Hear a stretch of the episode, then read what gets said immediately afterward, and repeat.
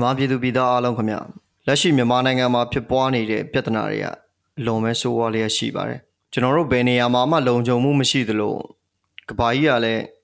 တကယ်ရက်ဆက်မှုတွေလူသားမဆန်မှုတွေနဲ့တွေ့ကြုံလာတဲ့အခါမှာဒီလူသားဆန်မှုနဲ့လူသားခွင့်ရေးတွေတက်ကြိုးပမ်းနေတဲ့သူတွေကိုလစ်လျူရှုထားပါတယ်နိုင်ငံတကာမီဒီယာတွေကလည်းနောက်ထပ်အသစ်အသစ်သောသတင်းတွေနောက်ကိုလိုက်ပြီးတော့မြန်မာနိုင်ငံရဲ့သတင်းတွေကိုအဟောင်းတစ်ခုလိုပဲခြံခဲ့ပါတယ်ဘလို့ပဲသတင်းတွေကဟောင်းသွားဟောင်းသွား မြန်မာနိုင်ငံမှာဇက်တိုက်ဖြစ်ပွားနေတဲ့ဆိုးရွားရက်စက်မှုတွေကိုတော့မြန်မာပြည်သူတွေကအဆက်မပြတ်ခံနေရဆဲပဲဖြစ်ပါတယ်။နိုင်ငံတကာစာမျက်နှာမှာမြန်မာသတင်းတွေဟာနှဲပါသွားပေမဲ့ကျွန်တော်တို့တော်လန်ချင်းများနဲ့ခေတ်သစ်မြန်မာပြည်ပေါ့ကတ်ကတော့ပြည်သူတွေကပြည်သူနဲ့ဖန်တီးထားတာဖြစ်ပြီးကျွန်တော်တို့မြန်မာနိုင်ငံနဲ့အတူအမြဲတမ်းရပ်တည်သွားမှာဖြစ်ပါတယ်။ကျွန်တော်တို့ပေါ့ကတ်မှာຫນွေဦးတော်လန်ရေးနဲ့ကျွန်တော်တို့မြန်မာပြည်သူပြည်သားတွေရဲ့တော်လန်ချင်းများစွာကိုကျွန်တော်တို့တင်ပြပေးသွားမှာဖြစ်ပါတယ်။မြန်မာပြည်သူလူထုတရက်လုံးဂုံတိတ်ခါရှိရှိရပ်တည်နေနိုင်မှု ရဲဝင်စွာ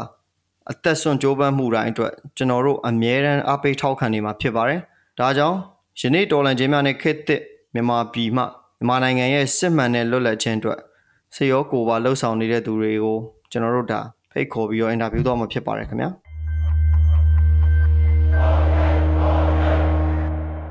မင်္ဂလာပါကိုခိုင်ကျွန်တော်တို့ရဲ့ဒီဒေါ်လန်ချင်းများနဲ့ခေတ်သစ်မြန်မာပြည်ပေါ့ကတ်ကိုလာပြီးတော့အခုလိုလာရောက်ဖြည့်ချပေးတဲ့အတွက်အထူးပဲကျေးဇူးတင်ရှိပါတယ်ခင်ဗျာဟုတ်ကဲ့ပါခင်ဗျကျေးဇူးတင်ပါတယ်အကိုဟုတ်ကဲ့ကိုခိုင်မြဟုတ်ကဲ့ကျွန်တော်တို့အကိုအနေနဲ့ဘယ်နှလပိုင်းလောက်မှစပြီးတော့ကျွန်တော်တို့ဒီလွမြောက်နေမိကိုအကိုရှောင်းထိန်လာတာလေဗျပြီးတော့အကိုအနေနဲ့တာဝန်ထမ်းဆောင်ဖြစ်တဲ့ကာလကဘယ်လောက်ကြာမလဲမသိဘူးခင်ဗျအော်ကျွန်တော်လွမြောက်နေမိကို စရောက်လာတဲ့အချိန်တော့10လပိုင်း28ရက်နေ့ပါခင်ဗျအဲ့ဒီအချိန်ကနေစရောက်ပြီးတော့ဟိုဟာတာဝန်ထမ်းဆောင်လာခဲ့တာဆိုတော့6လပါခင်ဗျအော်ဟုတ်ကဲ့ခင်ဗျဟုတ်ကျေးဇူးပါကိုအကိုရဲ့ဒီအတွေ့အကြုံတွေကိုမပြောပြခင်ပါဗောနော်ဟုတ်ကဲ့ဒီအကိုຫນွေဦးတော်လိုင်းရေးမတိုင်ခင်အကိုရဲ့အဘွားအကြောင်းလေးတွေကိုနားထောင်နေသူတွေအကုန်သိပါအောင်ကျွန်တော်တို့ပြပြပေးပါအောင်ဗျဟုတ်ကဲ့ပါခင်ဗျကျွန်တော်ကတော့ဟိုဒီဒေါ်လာရေးနိုင်ငံရေးမဖြစ်ခင်အချိန်မှာတော့ ဒီရန်ကုန်မြို့မှာပဲအကြောင်းအဝေးတင်တိုင်းနဲ့ကျွန်တော်တာမန်အလုပ်ပဲလုပ်ရပါဗျဒီကုမ္ပဏီတစ်ခုမှာပဲကျွန်တော်အလုပ်ဝင်လုပ်ပါတယ်ပြီးတော့ဟိုကိုဗစ်ကာလမှာလည်းလိုပဲတာမန်အလုပ်တွေပဲကျွန်တော်လုပ်ပြီးတော့ဘဝကိုဖျက်တတ်တာပါကျွန်တော်ကတော့ဒီမှာနိုင်ငံရေးစဖြစ်တော့ဒီကိုဗစ်တွေမှာနောက်ဆုံးဟိုပြမှာတော့ တောက်ဖွေးလောက်မှာတော့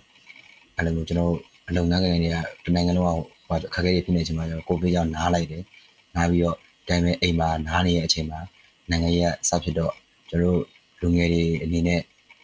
နိုင်ငံလုံးပါဝင်နေတဲ့အချိန်မှာကျွန်တော်လည်းတောင်းတနေပါဝင်ခဲ့ပါတယ်ခင်ဗျာဟုတ်ကဲ့ကိုအကိုခုနပြောရတဲ့မှာပေါ့နော်ဒီ covid third wave ဆိုတော့ကျွန်တော်တို့ covid third wave စဖြစ်တဲ့အချိန်မှာ ဒီအာနာသိမ့်ပြီးွားပြီပေါ့အဲ့တော့ဒီအကိုຫນွေဦးတော်လိုင်းရဲ့ကိုပါဝင်တဲ့အချိန်ကဟုတ်ကဲ့ကျွန်တော်တို့ဒီ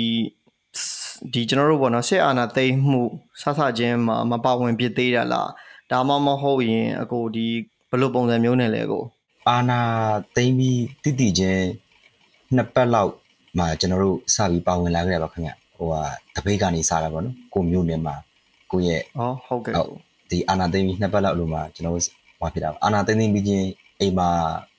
တူတူကိုလိုပဲဟိုတနိုင်ငံလုံးအကုန်လုံးဟို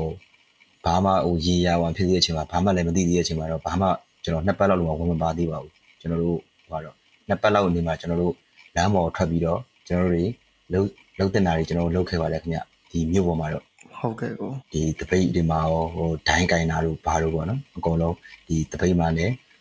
ဒီဇန်နပြတဲ့ကိုရီလိုသူလိုပဲလူငယ်တွေနဲ့အကုန်လုံးဟို လုံးလုံးညာအကုန်လုံးလုပ်ခဲ့ပါတယ်ပြီးတော့ဟိုဟာဒီတပိတ်မှာလည်းအဲ့လိုကိုမျိုးနယ်မှာစားနဲ့ရိတ်ခါတွေဘာတွေအကုန်ထောက်ပံ့တာတွေဘာတွေလည်းအဖွဲ့အစည်းမှာလည်းပါဝင်ခဲ့ပါတယ်ခင်ဗျဟောဟုတ်ကဲ့ကိုဒါဆိုရင်အကိုကတစ်ဖက်ကအလုပ်တစ်ဖက်နဲ့ပေါ့နော်တစ်ဖက်ကလည်းဒေါ်လာရေးမှာပါဝင်ပေါ့အဲ့ပုံစံမျိုးလားကိုဟုတ်ကဲ့ပါအကိုဟုတ်ကဲ့ပါခင်ဗျပြောလို့ဆိုတော့ကျွန်တော်ကတော့ဟိုဘယ်မလဲဟိုဥဆောင်တဲ့ထဲမှာတော့ပါတာပေါ့ခင်ဗျကိုမျိုးနဲ့ကိုရက်ကွာမှာတော့ဟုတ်ကဲ့ပါကို အကိုဒီလိုမျိုးဗျာဒီမှာရှာနာပြဝေမှာပါဝင်တယ်တစ်ဖက်ကလည်းအလုပ်လုပ်တယ်ဆိုတော့အကိုကိုသူတို့ဒီစစ်ကောင်စီဘက်ကနေပြီးတော့အဲ့လိုမျိုးဖမ်းဆီးရတွေပါတယ်အဲ့လိုမျိုးလိုက်ပြီးတော့စုံစမ်းခံရတာတွေပါတယ်မရှိဘူးလားကိုရှိပါတယ်ခင်ဗျဟိုဟာကျွန်တော်တို့အိမ်ကိုနှစ်ကြိမ်တိတိလာရောက်မေးမြန်းခြင်းခံရပါတယ်ကျွန်တော်တို့ရက်ကွက်ထဲမှာဟိုဟာဖြစ်တဲ့အချိန်မှာတစ်ချိန်လာမိပါတယ်ခင်ဗျပြီးတော့ကျွန်တော်လူမြောက်နေမျိုးကိုစရောက်တော့အိမ်ကနေပြီးတော့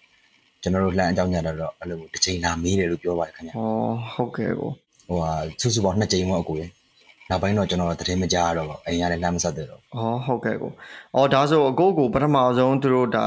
လာရောက်ပြီးတော့လာစုံစမ်းစစ်ဆေးတော့မယ်ဆိုတဲ့အချိန်မှာပထမတစ်ခေါက်ပြီးရဲ့အချိန်မှာဟုတ်ကဲ့ကိုလွန်မြောက်နေမျိုးရောက်သွားပြီပေါ့ဟုတ်ကဲ့ဟိုပထမတော့ကျွန်တော်လွတ်မြောက်နေမျိုးကိုတွားဖို့ကစိတ်ကူးမရှိပါဘူးအဲဒါကြောင့်မို့လဲ10လပိုင်း28ရက်နေ့မှာကျွန်တော်ရောက်တာကျွန်တော်တို့ ਨੇ အတူတူပြတဲ့ ဟိုဒီတပိတ်ထဲမှာပြတဲ့ကိုရီရဲ့ဟိုအပေါင်းပါတွေကပထမဆုံးတစ်ယောက်စားဖန်စပြီးဖန်ခံတဲ့အချိန်မှာကျွန်တော်တို့အမှစပြီးတွေးလာတာပေါ့နော်ဘာဆက်လုပ်မလဲပေါ့အဲဒါကြောင့်ကျွန်တော်လွတ်မြောက်နေမျိုးရောက်ရှိလာတာပါခင်ဗျဩဟုတ်ကဲ့ပါကိုဟုတ် ဒါဆိုကို့အနေနဲ့ဗျာရှောင်ပြေးရမယ်ပေါ့နော်အဲ့လိုရှောင်ပြေးရမယ်အချိန်မှာဥမာကိုမိဘရွှေမျိုးဘေဘာရဲ့ရွာတို့မြို့နယ်တို့အဲ့လိုမျိုးမဟုတ်ဘဲနဲ့ဘာကြောင့်ကျွန်တော်လွမြောက်နယ်မျိုးရွေးချယ်တာလဲအကိုအကိုအနေနဲ့ဘာတွေဆက်လုပ်ဖို့မျှော်လင့်ထားခဲ့လို့လဲအမှန်တမ်းပြောရတော့အကိုရဲ့ဟိုရန်ကုန်မှာတော့တူတူဘူးမှမလုံးလုံးတော့ဘူးနော်အဲ့နဲ့ဒီဘက်နေရာကိုရှောင်ထွက်တော်လို့ရှိရင်ကျွန်တော်ကရှောင်တဲ့ပုံစံမျိုးပဲဖြစ်နေမှာဆိုလို့ကျွန်တော်ကအဓိကတော်လန့်နေတာလေ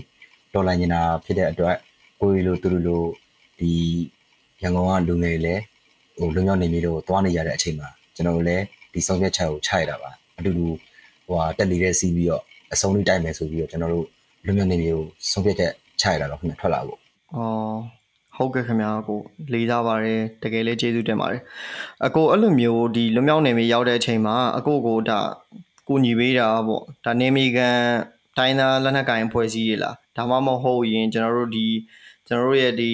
ပြောမှဆိုတော်လိုင်းမှာပါဝင်တဲ့သူတွေကပဲပြန်ပြီးဖွဲ့စည်းထားတဲ့အဲ့လိုမျိုး PDF လိုမျိုးဖွဲ့စည်းရရလားပြောနေမြေပိုင်းရတော့သူတို့ဒီကန်ဒီဘောကင်းကင်းတက်မလို့ KNU ရဲ့နေမြေပါပဲခင်ဗျဒါပေမဲ့ကျွန်တော်တို့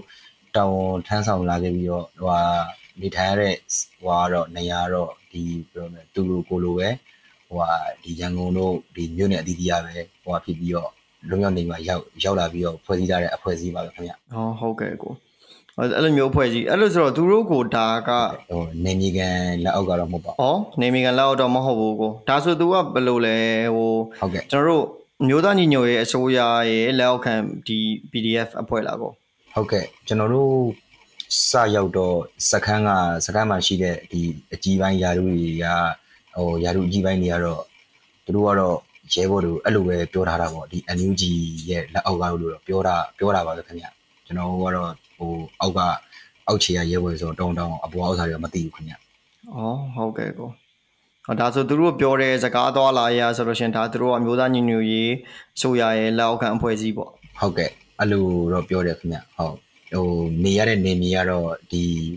နေမြေကန်တက်ရဲ့ KNU တက်ရဲ့နေမြေမှာပဲနေပြီးတော့သူတို့လက်အောက် မှာလက်အောက်ကတော့မဟုတ်ဘူးဆိုပေမဲ့လည်းတနည်းတစ်လမ်းပြောဆိုတော့လက်အောက်လို့လည်းပြောလို့ရတယ်ခင်ဗျအဲ့လိုမျိုးဩဟုတ်ကဲ့ပါခင်ဗျာအဲဒီ NUG ကလက်အောက်လို့လည်းပြောတယ်ခင်ဗျအဲအဲ့လိုမျိုးဟုတ်ကဲ့ကိုအကိုအနေနဲ့ဒီအကိုပြောရဲပေါ့နော်ဒီ6လတာပေါ့6လတာဒီဒေါ်လာရေးခရီးချမ်းမှာဒါလက်နက်ကင်ဖွဲ့စည်းထဲမှာရောက်တဲ့ကိုယ်တိုင်လည်းလက်နက်ကင်ပြီဆိုတော့ဒီ6လတာကာလရဲ့ကျွန်တော်တို့အတွေ့အကြုံတွေ ဘဝခရီးချမ်းတွေကိုဒါနားထောင်နေတဲ့သူတွေတေချာသိပါအောင်ဗျာပြောပြလို့ရတဲ့အပိုင်းလေးတွေရှင်တေချာလေးပြောပြပေးပါခင်ဗျဟုတ်ကဲ့ပါဗျကျွန်တော်တို့ကတော့အခြေအနေအကြောင်းကြောင်းနေပေါ့နော်ဒီရန်ကုန်မြို့ကနေပြီးတော့ဒီလူမျိုးနေမျိုးကိုကျွန်တော်တို့ရောက်ရှိလာတယ်ရောက်ရှိလာပြီးတော့ကျွန်တော်တို့ခံယူချက်တဲမှာခံယူချက်ကတော့စထွက်လာကြရအဆုံးလေးတိုက်မယ်ဆိုပြီးတော့ကျွန်တော်တို့စထွက်လာတယ်ပြီးတော့လူမျိုးနေမျိုးရောက်ရှိလာတဲ့အချိန်မှာကျွန်တော်တို့ကြာရတာဝန်တွေကိုကျွန်တော်တို့ထမ်းဆောင်တယ် အဖွဲ့အစည်းနဲ့ဟိုဟာလိုက်လျောညီထွေဟိုဟာအကုန်လုံးတစုရတစည်းတဲ့ကျွန်တော်တို့ထမ်းဆောင်တယ်ပြီးတော့ကျွန်တော်တို့တင်နန်းနေတက်ရတယ်ဟိုစစ်တင်နန်းနေမျိုးစုံတက်ရတယ်တက်ပြီးတော့ကျွန်တော်တို့စားကစားကိုတော်လန်ဖို့ကျွန်တော်တို့ဒီပြောမှဆိုရင်ဟိုဟာလူငယ်တွေကသူတွေကြိုးစားရတယ်အဲ့လိုမျိုးအကုန်လုံးပေါ့နော်တပေါင်းတစ်ပါးလည်းအကုန်လုံးကြိုးစားတယ်စားကစားကိုတော်လန်ကြဖို့ဒီထမ်းဆောင်လာတဲ့6လမှာ ဟိုကျွန်တော်တို့ကြုံတွေ့လာတာဆိုရင်တော့ဟိုဘယ်လိုပြောမလဲတနည်းအားဖြင့်ဟိုဖြစ်ရဆိုမမျောလိုက်တဲ့ဖြစ်ရဆိုတွေကျွန်တော်တို့ကြုံတွေ့ရတယ်ပေါ့ဒီမြေပြင်မှာဒီလွံ့မြောက်နေမြေမှာကြုံတွေ့ရတယ်ကျွန်တော်တို့ဟိုလုံးဝမမျောလင့်ထားပါဘူးအဲအဲ့လိုမျိုးကြုံတွေ့ရမယ်လို့လဲအဲအဲ့လိုကြီးကြတော့ကျွန်တော်တို့အကုန်လုံးကကနာပြောမယ်ဆိုရင်အများကြီးပဲဟိုမျိုး အသက်အန္တရာယ်ဟိုဟာဖြစ်မဲ့အထီအောင်အသက်အန္တရာယ်စိုးမဲ့စိုးမဲ့အဲ့လိုအသက်အန္တရာယ်ထိခိုက်မဲ့အန္တရာယ်ရောတော်တော်ဆူဆူရောက်ကြုံခဲ့ရပါတော့ခင်ဗျဒီလူမျိုးနေနေပါကြုံခဲ့ရတာပါဟုတ်ကဲ့ခင်ဗျကို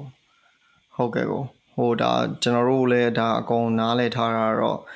ဘာပဲပြောပြောကျွန်တော်တို့ဒါအသက်ကိုပေးလူပြီးတော့အလုပ်လုပ်တဲ့ကိစ္စတွေမှာကြတော့ပုံမှန်ခက်ခဲကြမ်းတမ်းမှုထက်ပိုတဲ့အခက်အခဲတွေအများကြီးရှိတာပေါ့နော် အများအဲ့ကြီးရှိတော့ပါတယ်ဟုတ်ကျွန်တော်အနေနဲ့သိချင်တာက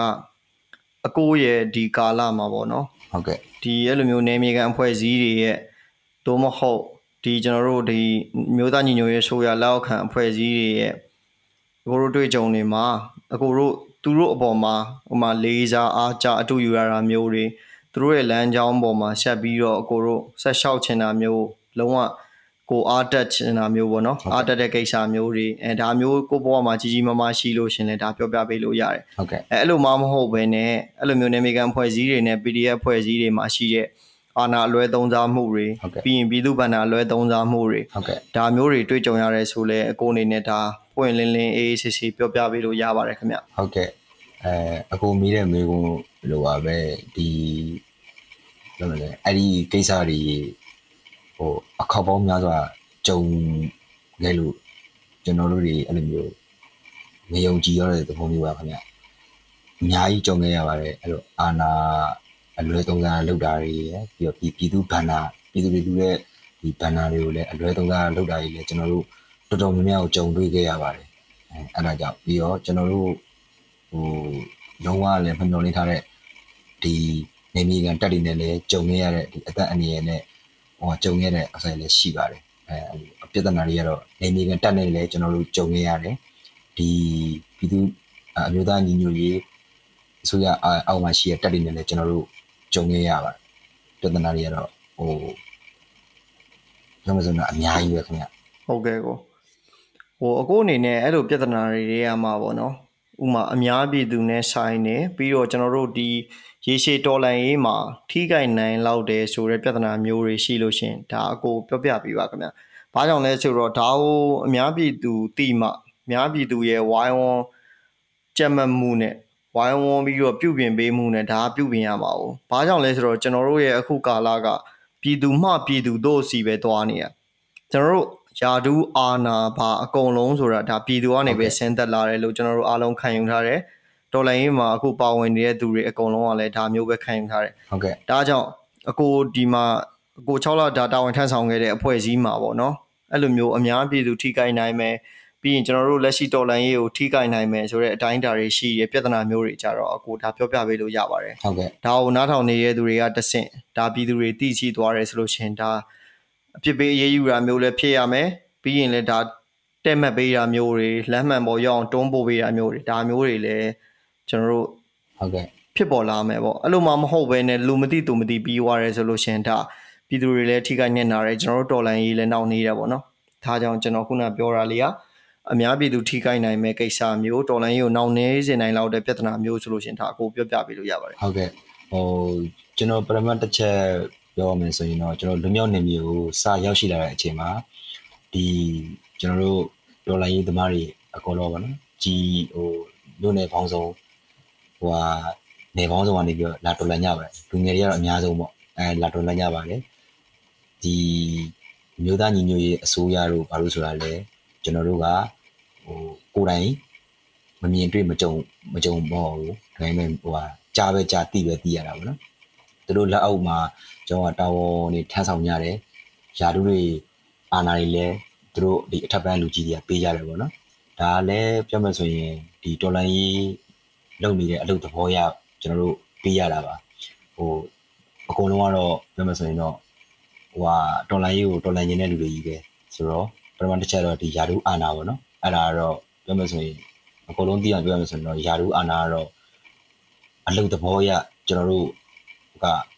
ပြောမှဆိုရင်ပေးထားတာပါတာဝန်သဘောရအလုပ်ပေးထားတာပါဒီအဲ့ဒီယာတို့အာနာတွေကိုအလွဲသုံးစားလုပ်ပြီးတော့အာနာကို ဒီကိုတော်လိုင်းဒီမှာရဲဘော်အချင်းချင်းပဲပြန်ပြီးတော့အလွဲသုံးစားပြန်လုပ်တယ်ဆိုရင်ဒါတွေကကျွန်တော်တို့တော်လန်နေတယ်စကားစနဲ့ဘာမှမထိုးကြပါဘူးအတူတူပါပဲဒါဒါလည်းပထမတစ်ချက်ပေါ့နော်နောက်တစ်ချက်ကကြတော့ဒီကျွန်တော်တို့တာဝန်ထမ်းဆောင်လာတဲ့ကာလတစ်လျှောက်လုံးမှာဒီပြည်သူဗန္ဒာရေးကိစ္စပေါ့ဒီပြည်သူဗန္ဒာရေးကိစ္စကအလူငွေရတော့ပြည်သူတွေကတော့တနိုင်တယ်လို့လှူကြရတယ်ဒါပေမဲ့အဲ့ ပြည်သူတွေလှူတဲ့အလှူငွေကိုအလဲသုံးစားကိုပုံစံမျိုးစုံနဲ့လုပ်ကြတာပေါ့နော်ပုံစံမျိုးစုံနဲ့လုပ်ကြတော့ဟိုကျွန်တော်တို့ကမြင်နေတွေ့နေကြားနေရတဲ့ချိန်ကိုဟိုဘယ်လိုပြောမလဲဘာမှလုပ်ပိုင်ခွင့်မရှိပြောပိုင်ခွင့်မရှိဆိုတော့ကျွန်တော်အနေနဲ့ကတော့ဟိုကိုကျိုးအတွက်ဟိုဖြစ်တာကြီးကတော့ကျွန်တော်တို့တော်လိုက်သမားအနေနဲ့ကတော့ကျွန်တော်တို့ကတော့လက်မခံနိုင်ဘူး ပြီးတော့ကျွန်တော်တို့ကလည်းသစ္စာဆိုထားတော့ပြည်သူကာကွယ်ရေးတက်မတော်တာဖြစ်တဲ့အတွက်ပြည်သူတွေကိုပဲကျွန်တော်တို့ကကာကွယ်နေတာပါဒါလည်းသူတို့ကလည်းအဲ့လိုလုပ်တဲ့အတွက်ကြောင့်ပြည်သူရဲ့ချွေးနှဲစာကိုသူတို့ကကိုကျိုးအတွက်ဟိုဟာဖြစ်တယ်ဆိုရင်တနည်းအားဖြင့်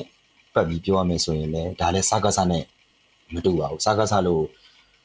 ဟိုအိမ်ဝင်စီးမှဓမြတိုက်မှအဲ့လိုမျိုးဟာဖြစ်မှပြည်သူတို့ဒုက္ခပြီးတာမဟုတ်ပါဘူးဒါလည်းတနည်းတလန်းအဖြစ်ဒါပြည်သူတွေကို စော်ကားတယ်ဒုက္ခပြီးရတယ်မှာလည်းပါပါတယ်ခင်ဗျဒါကတော့ဒုတိယတစ်ချက်ပေါ့နော်နောက်နောက်တစ်ချက်ကကျွန်တော်တို့ကဟိုမတရားတာကိုလာပြီးတော်လန်ကြတာပါတို့မြောက်နေကြီးပါဟိုတနိုင်တစ်ပိုင်းပေါ့ရရနေရနေတော်လန်လာတနေရာသားရရလက်နဲ့ဆွဲကင်နေဆိုပြီးကျွန်တော်တို့တော်လာတော်လန်တာပါမတရားတာကိုကျွန်တော်တို့ကတရားမျှတမှုလိုချင်လို့လာတော်လန်တဲ့အချိန်မှာအဲ့ဒီတော်လန်မဲ့နေရာမှာပဲမတရားမှုတွေကဆက်လက်ပြီးတော့ကြုံတွေ့နေရတာဆိုတော့ ကျွန်တော်တို့ရဲ့ဟိုခန္ဓာရည်စွမ်းအားပြီးတော့ဟိုဟာဘယ်လိုရမလဲဟိုစိတ်ပြက်စေတဲ့အဲ့လိုမျိုးတော်လိုင်းမှာတွေ့ရတော့ကျွန်တော်တို့တွေတကယ်ဟိုပြောမလဲစိတ်ပြက်သွားတာပေါ့ဗျအဲ့လိုမျိုးဒါတွေကလည်းကျွန်တော်တို့ဟိုအရင်တည်းကလည်းကြုံမယ်လို့လည်းတခါမှဟုတ်ကဲ့ကိုမတွေးဘူးကြတော့ပူဆိုးတယ်ဟုတ်ကဲ့ပါကို ဒါဆိုတာအကိုတို့အနေနဲ့ပေါ့နော်ဘာပဲပြောပြောဒါမြို့တွေကနေပြီးတော့ပဲဒီကိုနဲ့ဘာမှတစိမ့်ချန်တဲ့နေမြေကြီးတစ်ခုကိုလုံးဝမျက်စိမိန်နာပဲရောက်လာတယ်ရောက်လာပြီးရဲ့အချိန်မှာဘာပဲပြောပြောတော်လိုင်းရေးအတွက်အသက်ဆုံးမယ်ဆိုတဲ့အနေအထားမှာဒါမျိုးတွေကြုံတွေ့ရတာပေါ့နော်ဟုတ်ကဲ့ဟုတ်ကဲ့ကိုအဲ့လိုမျိုးအကိုတို့ဖြစ်ပျက်နေတဲ့အခြေအနေတွေကိုပေါ့နော်ဒီအမျိုးသားညီညွတ်ရေးအစိုးရကိုအကိုတို့ဟုတ်ကဲ့ဥပမာအကြောင်းကြားဖို့တို့ပြီးရင်ဒါအကြံဉာဏ်တောင်းဖို့ ပြီးရင်အခုလိုဖြစ်နေတဲ့မြေပြင်အနေထားကိုရေးယူဆောင်ရွက်ဖို့တွေဟုတ်အဲ့လိုမျိုးအကိုတို့ request လုပ်တာမျိုးအဲ့လိုမျိုးဒီဘယ်လိုပြောမလဲဆက်သွယ်ဖို့စ조사တာမျိုးရှိလားအကိုဟုတ်သူတို့စီရောအကိုတို့နဲ့ပတ်သက်ပြီးတော့ဗန်ဖို့ကူညီမှုသို့မဟုတ်ထိရောက်တဲ့ guideline တွေပေးတာမျိုးရောရှိလားကျွန်တော်တို့တာဝန်ထမ်းဆောင်ပြီးတော့ဒီလိုပြဿနာတွေကြုံတဲ့အချိန်မှာကျွန်တော်တို့ကိုယ်ဒီစတဲ့ကိုတို့ဟိုအဖြစ်လိုက်ထွက်ခွာဖို့ကျွန်တော်တို့စဉ်းစားတယ်ထွက်ခွာဖို့စဉ်းစားတော့စိတ်ထဲမှာတော့ဘယ်နေရာကိုဘယ်သွားမယ်တော့ကျွန်တော်တို့ ဆုံးဖြတ်တာတော့မရှိဘူးဒါပေမဲ့ဒီနေရာမှာဆက်နေလို့မရတာဖြစ်တဲ့အတွက်ကိုကျွန်တော်တို့အစဉ်ပြေရဲ့တနေရာကိုခဏရှောင်နေတယ်ရှောင်နေပြီးတော့ကျွန်တော်တို့အဲရှောင်နေတဲ့နေရာလေးမှာဒီအမျိုးသားညီညွတ်ရေးအစိုးရရဲ့ဒီနေမြေရဲ့တာဝန်ရှိသူတွေကိုကျွန်တော်တို့ဆက်သွယ်တယ်နီလန်မျိုးမျိုးနဲ့ဆက်သွယ်တယ်ဒါပေမဲ့သူတို့ဘက်က guideline ပေးတာတို့ဟိုအထောက်အကူဖြစ်စေမဲ့လမ်းပြမှုမျိုးတို့ဟိုတစ်ခုမှတော့ကျွန်တော်တို့မရခဲ့ပါဘူးကျွန်တော်တို့ပေါ့ကျွန်တော်အမှန်တကယ်ပြောတော့အာကိုတကြီးနေပေါ့နော် ဖြစ်သမျှပြဿနာတွေကိုလည်းသူတို့ကိုအကြောင်းဆုံးအကုန်လုံးရှင်းပြတယ်တန်တိုင်းပင်ပင်ဆွဆွနူးနူးမျိုးအဲ့လိုမျိုးရှင်းပြတယ်ဒါပေမဲ့သူတို့ဘက်ကကျွန်တော်တို့မှန်တိုင်းပြောရမယ်ဆိုတော့ဘာတစ်ခုမှတော့အထောက်ပံ့အဲ့လိုလမ်းညွှန်ချက်တွေပါတော့မရခဲ့ပါဘူးခင်ဗျအဲ့တော့အကိုတို့အဲ့ချိန်မှာဘယ်လိုမျိုးရှင်းကြလဲအကိုဘာဆက်လုပ်မယ်လို့တွေးပြလဲအဲ့ဒီအချိန်မှာကျွန်တော်တို့အဲ့ဒီရှောင်နေရတဲ့နေမြေလေးမှာကျွန်တော်တို့ပြောမယ်ဆိုရင် အဲ့ဒီနေမြေမှာကိုကမကျွမ်းကျင်တော့ရှောင်တာရှောင်နေရတာပေါ့နော်ဟိုဘယ်လိုမလဲအဲ့နေရာလေးမှာပဲစဉ်းစားတယ်ရွာလေးထဲမှာပဲအဲ့နေရာနဲ့ဖုန်းအင်တာနက်လမ်းမမိတော့ကျွန်တော်တို့လမ်းပြောက်တယ်အမှဘာဆက်လုပ်မှမသိဘူးရက်တော်ကြာကြာနေပြီးတော့ကျွန်တော်တို့စဉ်းစားတယ်ဆက်ပြီးတော့ရှင်တန်ဖို့တော်လန်ဖို့ကျွန်တော်တို့စဉ်းစားတယ်ဒါပေမဲ့ဘသူရဲ့ဒီအမျိုးသားညီညွတ်ရေးအစိုးရရဲ့အထောက်အကူလည်းမရဘာမှလည်းမရတာဆိုတော့ကျွန်တော်တို့ဆုံးဖြတ်တာကတော့ ရန်ကုန်လည်းကျွန်တော်တို့ပြန်လို့မရဘူးဒီလမ်းမာတွေဖြစ်သွားနိုင်တယ်ပေါ့နော်ပြန်နေရဲ့လမ်းကြောင်းမှာဖြစ်သွားနိုင်တယ်ပြီးတော့ဒီနေမြေမှာလည်းကျွန်တော်တို့ပြန်ပြီးတော့အဲ့လိုမျိုးတော်လန်ဖို့ကြတော့လေဒီပြဿနာတွေရဲ့အရင်းမြစ်တွေကိုကျွန်တော်တို့ကသိနေတဲ့အတွက်ကျွန်တော်တို့ပြန်တော်လန်ဖို့လည်းအဆင်မပြေဘူးကျွန်တော်တို့တော်တော်ခက်ခဲခဲ့ရတယ်အဲ့ဒီအချိန်ကာလမှာဘာဆက်လို့မမသိတာပေါ့နော်ဟို ဘယ်သူမှလည်းကျွန်တော်တို့ဟိုမဖြစ်ဘူးကိုလုံးဝအစိမ့်သက်သက်ကြီးတစ်ခါမှမရဘူးတဲ့နေကြီးမှာအဲ့လိုမျိုးစားတာစားဖို့တောက်ဖို့တော့ကျွန်တော်တို့တော်တော်ခက်ခဲခဲ့ရတယ်အဲ့လိုမျိုးဆက်လက်ရှင်တန်ဖို့ဆိုတော့စုံပြတ်ချက်ချလိုက်တာကကျွန်တော်တို့လုံးဟိုဘယ်လိုလဲလုံးလုံးကိုရီအတွက်လုံခြုံပြီးတော့ safe ဖြစ်မဲ့နေရာတစ်ခုကိုကျွန်တော်တို့ internet အဲ့လိုပေါ့နေတန်းလည်းမရ internet မရတရလေးနဲ့ကျွန်တော်တို့ဆက်သွယ်ပြီးတော့ကျွန်တော်တို့ပြောမယ်ဆိုရင် ဒီဘက်နေဆက်ဘက်ကိုကျွန်တော်တို့ကူးလာတယ်ပေါ့နော်ဒီကဟိုပါပေါ့အကူညီလေးနည်းနည်းလေးနဲ့ပေါ့နေဆက်ဘက်ကိုကျွန်တော်တို့ကူးလာတယ်အဲ့လိုပဲကျွန်တော်တို့ဆုပ်ပြချက်ချရတာပါခင်ဗျဒါလည်းအချိန်တော်တော်ယူပြီးစဉ်းစားလိုက်ပြီးတော့တော်တော်ဟိုဖြစ်တော့မှအဲ့နီလန်အကောင်းဆုံးထင်လို့ကျွန်တော်တို့လည်းဆုပ်ပြချက်ချပြီးတော့ဟုတ်ကဲ့ပါကိုဟိုဖြစ်တာပါခင်ဗျဒါဘာပဲပြောပြောအကိုတို့ဒါအကောင်းဆုံးစူးစမ်းပြီးတော့လုပ်ခဲ့တာပဲပေါ့နော်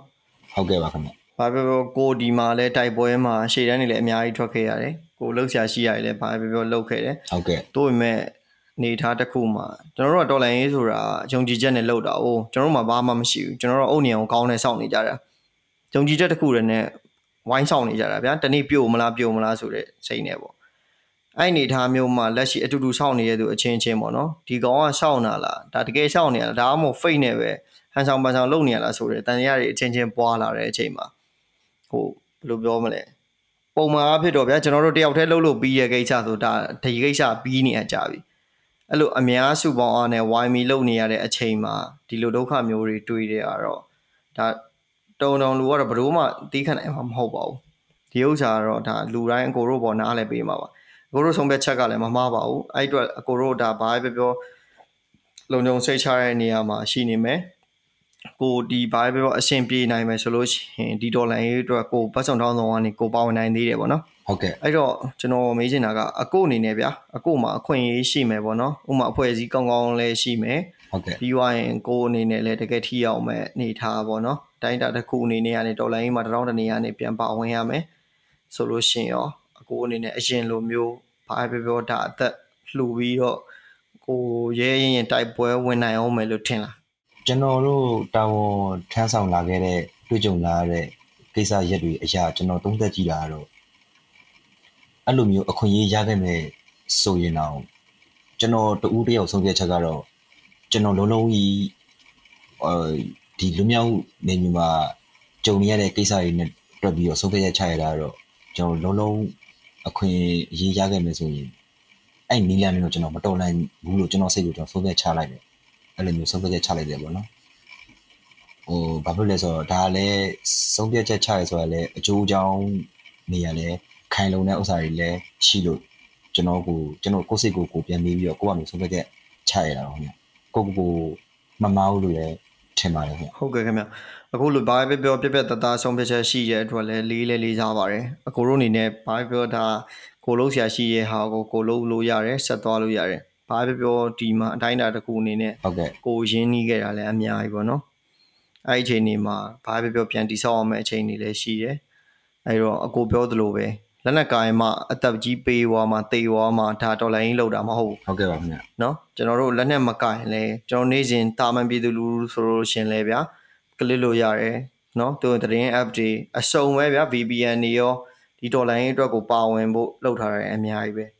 အဲ့တော့ကျွန်တော်တို့ကအဓိကသွေးမအေးသွားဖို့ပဲဗောနော်ဟုတ်ပါတယ်ခင်ဗျဟုတ်ပါတယ်ခင်ဗျအကိုတို့ဟိုဒီအကိုတို့ကအခုဒီဘက်လွတ်မြောက်နယ်မြေကိုလွတ်မြောက်နယ်မြေဆိုတာထက်ပေါ့နော်လုံုံစိတ်ချတဲ့နေရာကိုရောက်တာမကြသေးဘူးပေါ့အဲ့တော့လွတ်မြောက်နယ်မြေကိုဆယ်လပိုင်းလောက်ကရောက်တယ်လို့အကိုပြောတယ်ပြီးတော့အကိုတာဝန်ထမ်းဆောင်တာ6လအောင်ဆိုတော့ ဘာပဲပြောအနည်းဆုံး4လပိုင်း5လပိုင်းလောက်အထိတော့အကိုတာဝန်ထမ်းဆောင်ခဲ့မှာပေါ့ဟုတ်ပါတယ်ခင်ဗျအဲ့တော့ကျွန်တော်တို့ကြားလိုက်ရတဲ့သတင်းတွေရှိတယ်ဗျာဒီ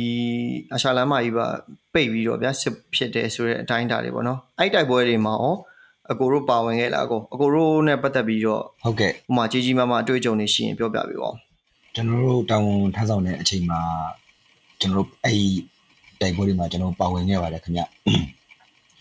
ပါပါဝင်ခဲ့ပါတယ်ပြီးတော့ဟိုဟာ ဒီတိုက်ပွဲတွေနဲ့ပတ်သက်ပြီးတော့ကျွန်တော်တို့ပြောရမယ်ဆိုရင်တော့ထိထိရောက်ရောက်ကျွန်တော်တို့ထိတွေ့မှုကြီးကြီးမားမားတော့ကျွန်တော်တာဝန်ထမ်းဆောင်နေလာတဲ့တက်တန်းတစ်လျှောက်မှာမကြုံခဲ့ပါဘူးခင်ဗျဒီအာရှလမ်းတွေပါတွေအကုန်မေးလို့ပေါ့နော်ဒီအာရှလမ်းမှာပိတ်နေတဲ့အချိန်မှာတိုက်ပွဲတွေဖြစ်တယ်လို့ပြည်သူတွေကသတင်းတွေကနေသူတို့ဖတ်ရပါလိမ့်မယ်ဒါပေမဲ့ကျွန်တော်တို့ရဲ့ကိုယ်တွေ့တွေ့နေတာကျွန်တော်တို့ကိုယ်တိုင်လည်းပါဝင်နေတာဆိုတော့ ဒီလွမြောက်နေမှာဒီတိုက်ပွဲတွေမှာထိထိရောက်ရောက်ကျွန်တော်တို့ဒီစကားစားနဲ့မရှိခဲ့ပါဘူးခင်ဗျဟုတ်ကဲ့ကိုအဲ့လိုမရှိတဲ့အပြင်ကိုကျွန်တော်တို့တခြားအဲ့ဒီတိုက်ပွဲတွေမှာပဲစိတ်ပြည့်စရာကိစ္စတွေထပ်ပြီးတော့အများကြီးကြုံနေရပါတယ်ခင်ဗျဟုတ်ကဲ့ခင်ဗျာကိုပြောဒါစိတ်ဝင်စားဖို့အရင်ကောင်းပါတယ်ဘာဖြစ်လို့ ကျွန်တော်တို့ဗျာအကုန်လုံးကဒါသတိထားမိရဲ့အချိန်အာရှလမ်းမဆိုတာဒါမြောက်ရီရန်ကုန်တကယ်စီးပွားရေးချက်ချာကြတဲ့လမ်းမကြီးအဲ့ဒီနေချက်ကုံတွေတစ်ခုလုံးတော့မှလုံးဝဟုတ်ကဲ့အတိုင်းအတာတစ်ခုထိပေါ့နော်ရှယ်အတိုင်းအတာတစ်ခုထိပိတ်ပြီးတော့ကိုဖြစ်တဲ့စစ်ပွဲဒါပြည်သူအလုံးနားလည်ထားတာပေါ့နော်တို့ပေမဲ့အကိုတို့လိုတကယ်တိုက်ရတဲ့သူတွေမှာဟုတ်ကဲ့ဒီစစ်ကောင်စီနဲ့လည်းထိတွေ့မှုအဲ့လောက်ကြီးလောက်လောက်လာလာမရှိဘူး ပြီးတော့အကိုတို့ပါစိတ်ပက်သွားစီဆိုတော့ဘယ်လိုဟာမျိုးတွေအကိုတွေ့ကြုံခဲ့ရလဲကိုဘယ်လိုဟာမျိုးတွေကိုတွေ့ကြုံနေရလဲဆိုတော့ဒီကျွန်တော်တို့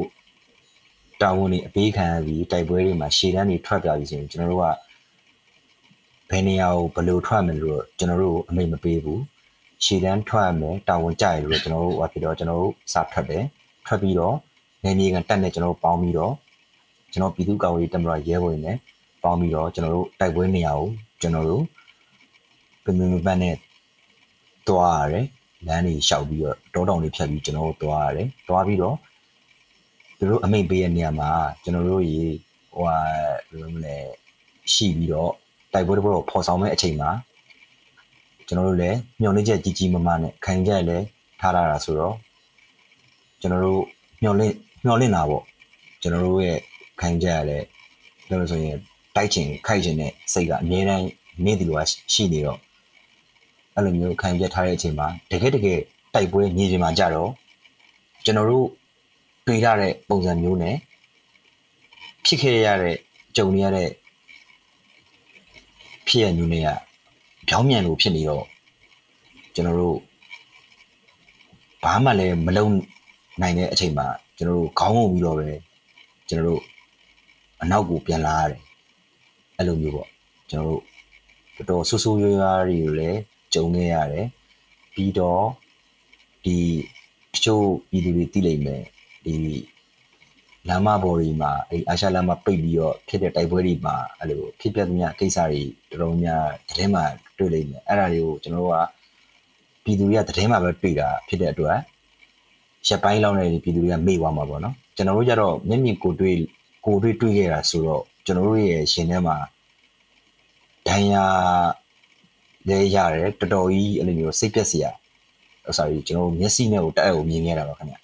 ဟုတ်ကဲ့ကိုအကိုပြောပြပြီးလို့ရရင်တေးသေးချာချာခါခါနာနာလေးပြောပြပေးပါကိုတီတီချာ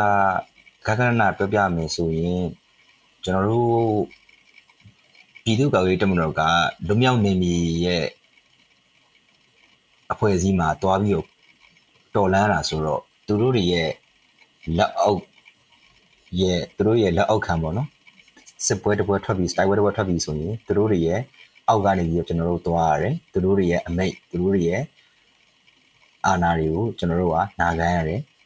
နာခံတော့တကယ်တကယ်တိုက်ပွဲမြေပြင်ရောက်သွားပြီဆိုရောက်ပါရောက်သွားပြီဆိုရင်အဲ့ဒီနေရာမှာကျွန်တော်တို့ဘယ်လိုပြောမလဲအမိတ်မှာတရားသောအမိတ်နဲ့မတရားသောအမိတ်ဆိုတာရှိတယ်ဗောနော်ကျွန်တော်တို့ကမတရားသောအမိတ်တွေကို ပေးတာများတယ်အမိတ်ဖြစ်တဲ့အတွက်ကျွန်တော်တို့ကလည်းမလုပ်လို့ရတယ်ဟိုအဖြစ်ဘူးအမေကိုလွန်ဆန်နေလည်းဖြစ်မယ်နောက်ပိုင်းကျတော့သူတို့ကလွမြောက်နေပြီတက်နော်နှစ်ပေါင်းများစွာကြည်ထောင်လာခဲ့တာပေါ့ကျွန်တော်တို့ကြတော့လာပိုင်းလောက်ပဲဟိုဟာဖြစ်တဲ့အတွက်ပြည်သူ့ကာကွယ်ရေးတပ်မတော်ဖြစ်တဲ့အတွက်ပြည်သူတွေကိုထိခိုက်လာရင်ကျွန်တော်တို့ပူစင်မကောင်းဖြစ်ရတာပေါ့အဲ့လိုမျိုးပြီးတော့တကယ်တိုက်ပွဲမှာ ရန်သူနဲ့ထိတွေ့မှုမရှိဘဲနဲ့ပြည်သူတွေရဲ့စိုးကြိုးတွေပြည်သူတွေကိုဟိုဟာဘယ်လိုမလဲအနေရဖြစ်စေတဲ့အတွက်ကျွန်တော်တို့ပြည်သူ့ကာကွယ်တပ်မတော်ရဲဘော်တယောက်အနေနဲ့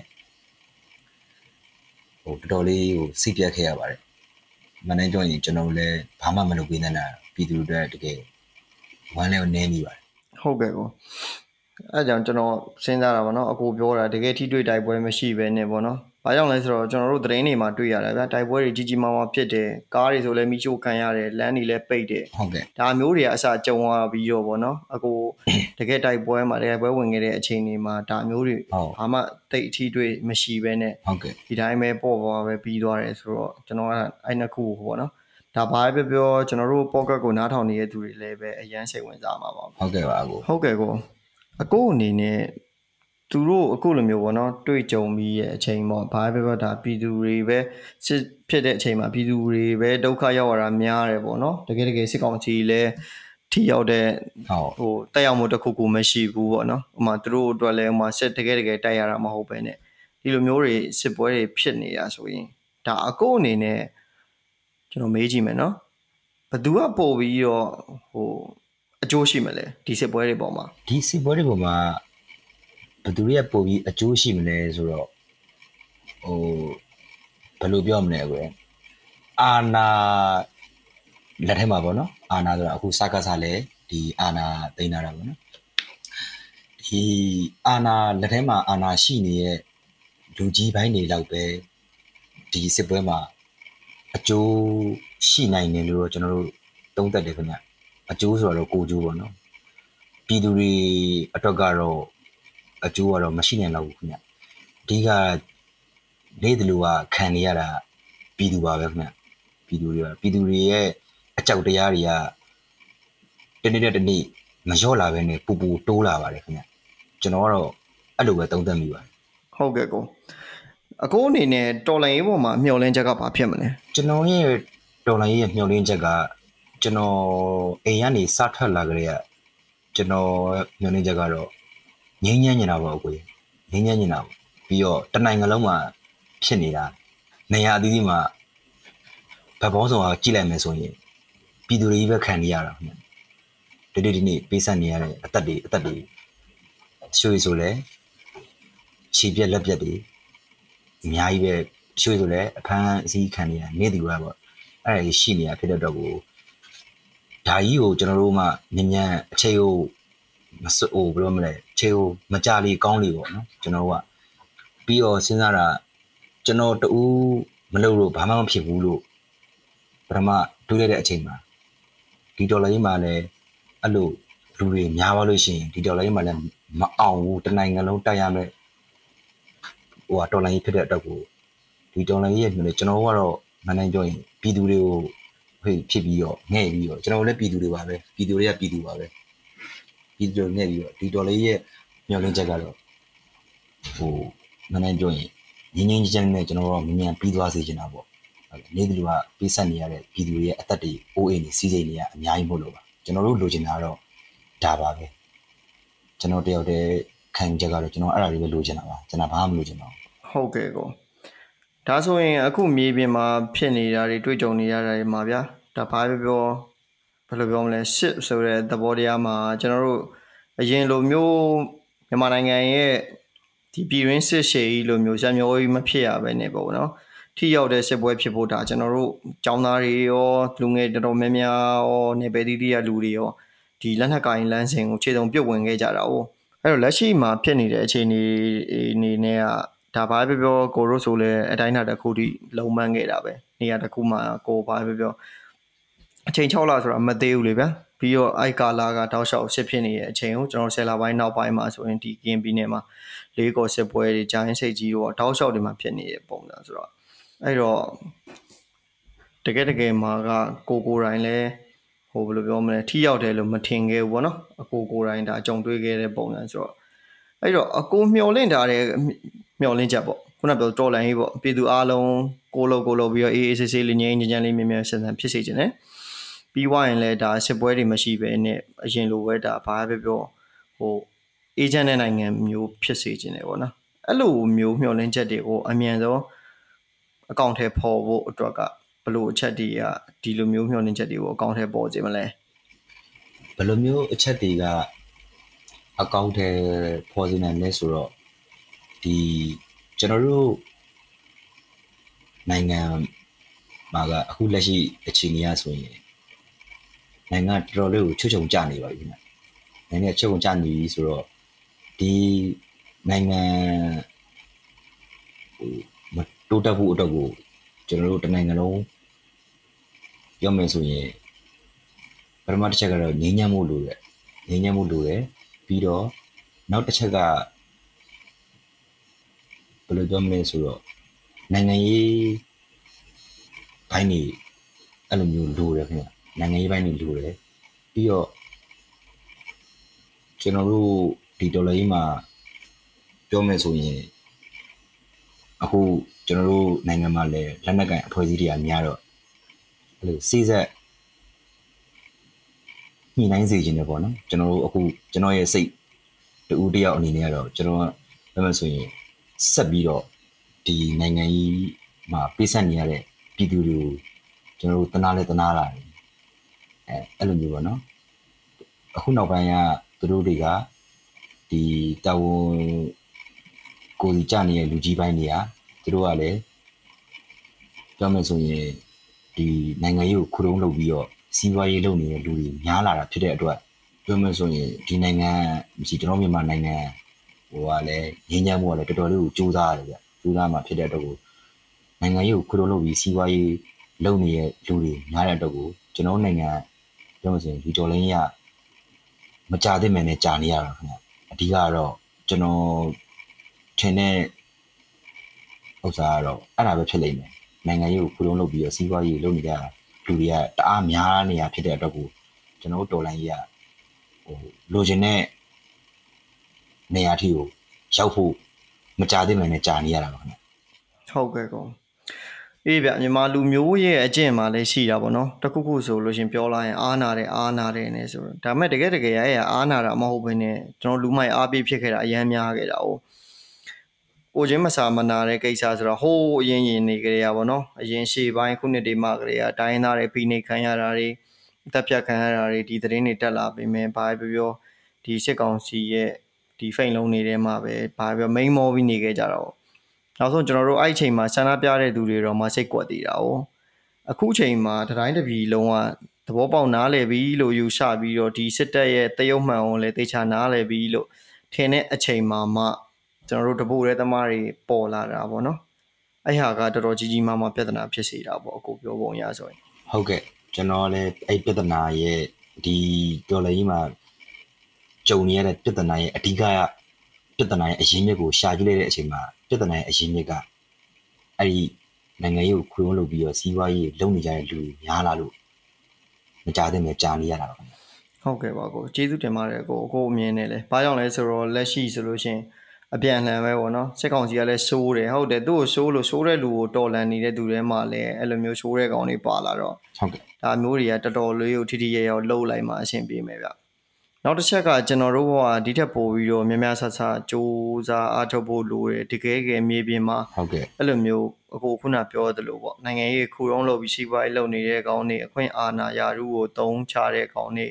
ကိုကျိုးအတွက်ပေါ့နော်ကိုကျိုးအတွက်တုံးချတဲ့ကောင်တွေပြီးွားရင်ကျွန်တော်တို့ပြည်သူရဲ့ဘန်နာကိုအလွဲသုံးစားလုပ်တဲ့ကောင်တွေပေါ့ဟုတ်ကဲ့အထူးသဖြင့်ဗျာကျွန်တော်တို့ဟုတ်ကဲ့ပြည်သူဘန်နာလို့ပြောတဲ့အနေအထားမှာအရင်လိုမျိုးဗျာနိုင်ငံတနိုင်ငံရဲ့ ဟုတ်ကဲ့ဟိုအခွန်ပေါ့အခွန်ခအနေနဲ့ပြည်သူကလှုပ်လှုပ်တယ်ပတ်စံရလို့သူရတဲ့ပတ်စံတွေကမှအခွန်ခပေးတယ်ဆိုလို့ရှင်တော့ဒါကပြည်သူဘန်နာနည်းနည်းပြည်သူတက်တာတွေရဲ့အခုဟာကဟုတ်ကဲ့တော်လိုင်းရဲ့အတွက်ပြည်သူကချွေးနဲ့သွေးနဲ့လှုပ်ထားတဲ့ ဟုတ်ကဲ့စူးစမ်းထားတဲ့ပတ်စံဗျာနောက်ဆုံးဒီပတ်စံလှူလိုက်လို့တော့မှသူတို့ဘဝမှာထိခိုက်နိုင်တယ်ဟုတ်ပါတယ်ခင်ဗျအဲ့လိုပတ်စံမျိုးကိုခုတုံးလှုပ်လာတဲ့အတိုင်းတာအနေထားမှာကြတော့ဘလို့မှလက်ခံပေးလို့မရဘူးပေါ့နော်ဟုတ်ပါတယ်ခင်ဗျမြေပြင်မှာတကယ်အဲ့လိုလူမျိုးတွေရှိနေတဲ့အချိန်မှာဗျာအကိုတို့လိုတကယ်လက်တွေ့ကြုံခဲ့ရတဲ့သူတွေကဒီလိုမျိုးပြောပြပြီးမှတေချာပြောမှပေါ့နော်ပြည်သူကတိမှဟုတ်ကဲ့အဲ့လိုမျိုးအဆင်ပြေမှာပေါ့ဟုတ်ကဲ့ကျွန်တော်ကိုတာဝန်ရှိတဲ့သူတွေကိုလည်းကျွန်တော် ပေးပို့ပြီးတော့တေချာဟုတ်ကဲ့ပါအပြောကိုပြပေးပါမယ်နော်အဲ့တော့အကိုရဲ့အဖွဲ့အစည်းတွေရောဟုတ်ကဲ့အဲ့လိုမျိုးလုပ်နေတဲ့လူရောဗျာအဓိကအခွင့်အာဏာအလွဲသုံးစားလုပ်တာတွေပြည်သူ့ဘဏ္ဍာအလွဲသုံးစားလုပ်တဲ့သူတွေနဲ့ပတ်သက်ပြီးတော့ကျွန်တော်တို့ဒါဟုတ်ကဲ့အကောင်းဆုံးဒါဘာပဲပြောပြောကျွန်တော်တို့ຫນွေဦးတော်လိုင်းရေးမှာဗျာအနှောက်အယှက်ဖြစ်နိုင်မဲ့သူမှန်သမျှကိုဟုတ်ပါတယ်ဒါကျွန်တော်တို့အခုတည်းကတစ်ခါတည်းတစ်ပါးတည်းရှင်းထုတ်သွားမှာပေါ့နော်ဟုတ်ကဲ့ပါအကိုတရားတော်နီလန်နဲ့ပေါ့ဟုတ်ကဲ့ပါအကိုအဲဒါကြောင့်အရန်ရေးကြီးတာပါအဲဒါကြောင့်အကိုတို့ရဲ့အတန်အရန်ရေးကြီးတာ ဒါကြောင့်လည်းဒီကျွန်တော်ပေါ့ကတ်ကိုလောက်ရတဲ့အကြောင်းရင်းအဓိကအကြောင်းရင်းကလည်းအဲ့ဒီအတွက်ပါပဲဟုတ်တစ်ဖက်မှာလည်းဗျာကျွန်တော်တို့တကယ်စိတ်ရောကိုယ်ပါကြိုးပမ်းနေတဲ့သူတွေရှိတယ်တကယ်ကိုဗျာတဘောအလုံးပိတ်ဆက်ပြီးတော့ချို့ဆိုလို့ရှိရင်လင်ခွဲမရခွဲဟုတ်ပါတယ်ခင်ဗျနော်ဘလို့မှ ယောက်ျားဒေါ်လာရေးတွေလောက်တာမိန်းမမကြည့်ဘူးလို့ကွဲတာတွေမိန်းမဒေါ်လာရေးလောက်လို့ယောက်ျားမကြည့်ဘူးလို့ကွဲတာတွေရောအများကြီးပဲဟုတ်ကဲ့မိသားစုလည်းပျက်စီးခံပြီးတော့အကုန်လုံမှန်ထားတဲ့ဒေါ်လာရေးဆိုတော့ဘလို့မှအထိကိုက်ခံလို့မရဘူးဟုတ်တယ်ကိုနောက်တစ်ချက်ကကျွန်တော်တို့တော်လန်ရေးဆိုတာစစ်မှန်တဲ့တော်လန်ရေးဖြစ်ရမယ် အခွင့်အရေးသမားတွေအတွက်အတုံးချခံဖြစ်လို့မရဘူးဗျာမရဘူးကိုဟုတ်ကဲ့အဲ့တော့တကယ်ကျေးဇူးတင်ပါတယ်အကိုတို့လိုဒါတကယ်ဟိုခံစားခဲ့ရတဲ့သူတွေဗျာဟုတ်ကဲ့အများကြီးတကယ်မြေပြင်မှာဒါမျိုးတွေဆိုတာဘလို့မှဖြစ်တဲ့ဖြစ်တတ်တဲ့ကိစ္စတွေမဟုတ်ဘူးပေါ့ဟုတ်ကဲ့အကိုပြောတာတွေကိုကျွန်တော်နားထောင်ပြီးတော့ကျွန်တော်လည်းတကယ်ခံပြင်းပါတယ်ကျွန်တော်ဒီ podcast ကိုလုပ်တယ်ဆိုတာကျွန်တော်က professional မဟုတ်လို့ဟုတ်ကဲ့ပါဒီသတင်းမီဒီယာသမားတယောက်လိုမျိုးဗျာလောက်တာမျိုးမဟုတ်ဘူး ကျွန်တော်ကဒါ emotion နဲ့လောက်တာဟုတ်ကဲ့ကိုယ်စိတ်ခံစားချက်ကိုအခြေခံပြီးတော့ငါဒါမျိုးတွေလုပ်ရမယ်မြေပြင်မှာငါကိုယ်တိုင်ကြုံတွေ့ခဲ့ရတဲ့တကယ်ရှင်းမှန်တဲ့လူတွေလည်းရှိသလိုတကယ်ဒီဟာကိုအသုံးချပြီးတော့ကျွန်တော်တို့ဒါအချောင်သမားတွေလည်းရှိရပေါ့နော်ဒီကောင်တွေကိုတကယ်ဖော်ထုတ်ရမယ်ဒီကောင်တွေကိုတစ်ခါတည်းပြောမစို့ဗျာဒီကောင်တွေကိုတစ်ခါတည်းဒါစစ်ကောင်စီထက်တောင်စိုးသေးတယ်ကျွန်တော်ပြောမယ်ဆိုရင်ဟုတ်ကဲ့ကိုကောင်တွေမှာတစ်ဖက်ဖက်ရှိသေးရဲ့ကျွန်တော်တို့ဒါမင်းတို့ဒီနိုင်ငံတော်အာဏာသိမ်းနေဒီကောင်တွေလည်းစိုးတယ်ပေါ့ဗျာအနေထားတစ်ခုမှာ ဘာပဲပြောအခုကအဲ့လိုစိုးတဲ့အခြေအနေကိုအခုတုံးလုပ်ပြီးတော့ကိုကြိုးရှာတဲ့သူတွေကပိုစိုးတာပေါ့ဟုတ်ပါတယ်ခင်ဗျတော်တော်လေးပြောမယ်ဆိုရင်ခံလဲပြင်းပါတယ်နားလေပါတယ်ကိုရဘာကြောင့်လဲဆိုတော့ဘာပဲပြောပြောကိုစဉ်းစားကြည့်တကယ်မြေပြင်မှာကိုဘာပဲပြောပြောစိတ်ထဲမှာဗျာတကယ်ထီအောင်စူးစမ်းအောင်ဟိုလာတာကိုဘာပဲပြောအာဒုက္ခမှာကွာဘာတွေကြုံရကြုံရချမယ်လုံမယ်ဒီတော်လိုင်းမြန်မြန်ပြီးပြီးရောဆိုတဲ့လူတွေကအများကြီးအများကြီးဟုတ်တယ်ကိုဒါပေမဲ့ဒီလိုမျိုးအကိုလိုမျိုးအတွေ့အကြုံတွေနဲ့ ကြုံခဲ့ရတဲ့လူတွေဘယ်လောက်တောင်မှန်းအောင်ဒါအမှန်ကြည့်လို့ရတယ်ဟုတ်ပါတယ်အကိုအများကြီးပဲခင်ဗျအကိုလည်းလေးသားပါတယ်အဲ့တော့ကျွန်တော်လည်းပြည်သူတွေကပြည်သူပါပဲဒါပေမဲ့အကိုကလည်းပြည်သူတွေကပြည်သူပါပဲဒါပေမဲ့ကျွန်တော်တို့ကတကယ်ကြုံတွေ့ရတဲ့လူတွေဆိုတော့တချို့ပြည်သူတွေမသိတဲ့ဥစ္စာတွေကိုကျွန်တော်ပြည်သူတွေကိုပဲကျွန်တော်တို့အတန်တွေကိုချခွင့်ရတာကိုပဲအကိုကျေးဇူးလက်တင်ပါတယ်လေးလက်လေးစားပါတယ်ကျေးဇူးတင်ပါတယ်အကိုအဲ့အတွက်လည်းအကိုဒါ ကျွန်တော်ကိုထူးပြီးတော့ကျေးဇူးတင်ကြမလို့ဒါကျွန်တော်တို့လုပ်ရမယ့်တာဝန်တွေပဲဒီလိုမှဟုတ်ကဲ့ပါအဲ့လိုမျိုးဝိုင်းဝန်းပြီးတော့ပြောမှတိမှသူတို့တွေကပြင်မှာပေါ့နော်အဲ့လိုမှမဟုတ်ဘဲနဲ့ငြိမ်နေမယ်ဆိုလို့ရှိရင်ကျွန်တော်တို့ဒါဘာထူးမလဲစက်ကောင်စီနဲ့ဆရာနာရှင်နဲ့ဘာထူးတော့မလဲဟုတ်ပါတယ်ကိုအဲ့ဒီတော့အကိုဘာပဲပြောပြောဒါအကိုရဲ့ခံယူချက်နဲ့အကိုစူးစမ်းခဲ့ပြီအကိုအတိုင်းတာတစ်ခုမှာဒီလက်နက်ကင်ဒေါ်လာကိုအကိုဆွန့်လွတ်လိုက်ပြီပေါ့နော် ပြီးတော့ဒါမဲ့အကိုရဲ့ဘဝကိုအကိုပြန်တည်ဆောက်မယ်ဟုတ်ကဲ့ပါနိုင်တဲ့ဘက်ကနေဒေါ်လာအတွက်လုံးမှန်မယ်ဟုတ်ကဲ့ပါအကိုကျေးဇူးတင်ပါတယ်ကိုဘာပဲပြောပြောအကိုဆုံးဖြတ်ချက်အတွက်ကျေးဇူးတင်ပါတယ်အကိုဆုံးဖြတ်ချက်အတွက်အကိုဒါထီထီရဲ့ရောက်လှုပ်သွားတာတွေထီထီရဲ့ရောက်ကြိုးပမ်းတာတွေအတွက်ဆိုလို့ရှိရင်ဒါအများကြီးပုံမှန်လူထက်ဗျာအကိုပို့ပြီးကြန့်ခိုင်သွားပြီဟုတ်ကဲ့အဲ့ဒီအတွက်အကိုဘဝမှာအောင်မြင်ပါပါအကိုဟုတ်ကဲ့ပါအကိုပြည့်ရဆွန်းတဲ့ပြပါသေးအကိုရဲ့ကျေးဇူးလေးတင်ပါတယ် ဟုတ်ကဲ့ခင်ဗျာအကိုအခုလိုမျိုးကျွန်တော်တို့ဗျာဟုတ်ကဲ့ပါတော်လန်ချင်းများနဲ့ခေတ်သစ်မြန်မာပြည်ပေါ့ကတ်မှာအခုလိုလာရောက်ဖြေချပေးရတဲ့အတွက်လည်းကျွန်တော်ဘက်ကအထူးပဲကျေးဇူးတင်ရှိပါတယ်အကိုကြီးကျေးဇူးတင်ပါတယ်အကိုလည်းကျွန်တော်တို့တကူတကဒီကျွန်တော်တို့အတန်ကိုပြည်သူတွေကိုချပေးရရယ်ပြီးတော့ကျွန်တော်တို့အတွက်လည်းအကိုတို့အချိန်ပေးရရယ်ကျွန်တော်တို့လည်းကျေးဇူးတင်ပါတယ်ကျွန်တော်တို့ရဲ့တော်လန်ချင်းများနဲ့ခေတ်သစ်မြန်မာပြည်ပေါ့ကတ်ကိုအဆုံးထိတေချာနားထောင်ပေးရတဲ့အရန်မဲ့ဝမ်းသာရပါတယ်ခင်ဗျာ ဒီချိန်ဒီကာလကကျွန်တော်တို့မြန်မာနိုင်ငံကိုချစ်မြတ်နိုးတဲ့သူတိုင်းအတွက်အရန်ခက်ခဲစိတ်ပင်ပန်းနေရတဲ့ကာလလည်းဖြစ်ပါတယ်ကျွန်တော်ကိုယ်တိုင်လည်းအရန်စိတ်ပင်ပန်းရပါတယ်တခါတလေလုံးဝစိတ်ပြက်လက်ပြက်ဖြစ်သွားတဲ့အချိန်တွေလည်းရှိပါတယ်ဘလို့ပဲဖြစ်ဖြစ်ပေါ့ဗျာဒီခစ်ဆိုးစနစ်ဆိုအဆုံးသတ်ဖို့အတွက်ကျွန်တော်တို့မှာလည်းတာဝန်ရှိသလိုနိုင်ငံသူနိုင်ငံသားတိုင်းမှာတာဝန်ရှိပါတယ်ခင်ဗျာဒါကြောင့်ဘာတွေဘလို့ပဲကြုံရကြုံရအားတင်းပြီးတော့ဒီစစ်အာဏာရှင်အမြင့်ပြည့်ရေးမြန်မာနိုင်ငံအမြန်ဆုံးအေဂျင့်ရေးနဲ့တိုးတက်ရေးကိုကျွန်တော်တို့ရှေ့ရှုပြီးရှေ့ဆက်နေရမှာဖြစ်ပါတယ် သတင်းချက်လက်ရယူခြင်းရဲ့အဓိကအကျိုးသက်ရောက်မှုကကျွန်တော်တို့ဒါနိုင်ငံတွင်းအခြေအနေတွေကိုနိုင်ငံတကာမီဒီယာတွေသိစေမယ်သူတို့ကိုအာရုံစိုက်စေမယ်ပြီးတော့ကျွန်တော်တို့ຫນွေဦးတော်လန်ရေးအတွက်အသက်တွေအထောက်အထားတွေကိုစူးစီးပေးနိုင်ခြင်းပဲဖြစ်ပါတယ်ကျွန်တော်တို့ရဲ့စ조사အားထုတ်မှုတွေကိုတကယ်သဘောကျနှစ်ချိုက်တယ်ဆိုရင်ဒါကျွန်တော်တို့ရေရှည်ရက်တည်ရေးအတွက်ဝိုင်းဝန်းပံ့ပိုးပေးဖို့ကျွန်တော်ဒါတိုက်တွန်းလိုပါတယ်ကျွန်တော်စေတနာရှင်တွေနားထောင်တဲ့သူတွေရဲ့လာစဉ်ပံ့ပိုးကူညီမှုတွေဒါအမှမဟုတ်တစ်ချိန်ဆိုတစ်ချိန်ထိထိရရောက်ပေးဖို့လှူဒန်းမှုတွေကဒါကျွန်တော်တို့ ရှေ့ဆက်ဖို့အတွက်အရန်ရေးကြီးပါတယ်ခင်ဗျာဒါကြောင့်အဲ့လိုမျိုးဝိုင်းဝန်းပံ့ပိုးကူညီမှုတိုင်းကိုလည်းကျွန်တော်အထူးပဲကျေးဇူးတင်ပါကြောင်းတည်ပေးလိုက်ရပါတယ်ခင်ဗျာမြမပြည်အမြန်ဆုံးလွတ်လပ်ပါစေပြည်သူများအမှန်မြင်၍အမြင်မှန်နိုင်ကြပါစေခင်ဗျာ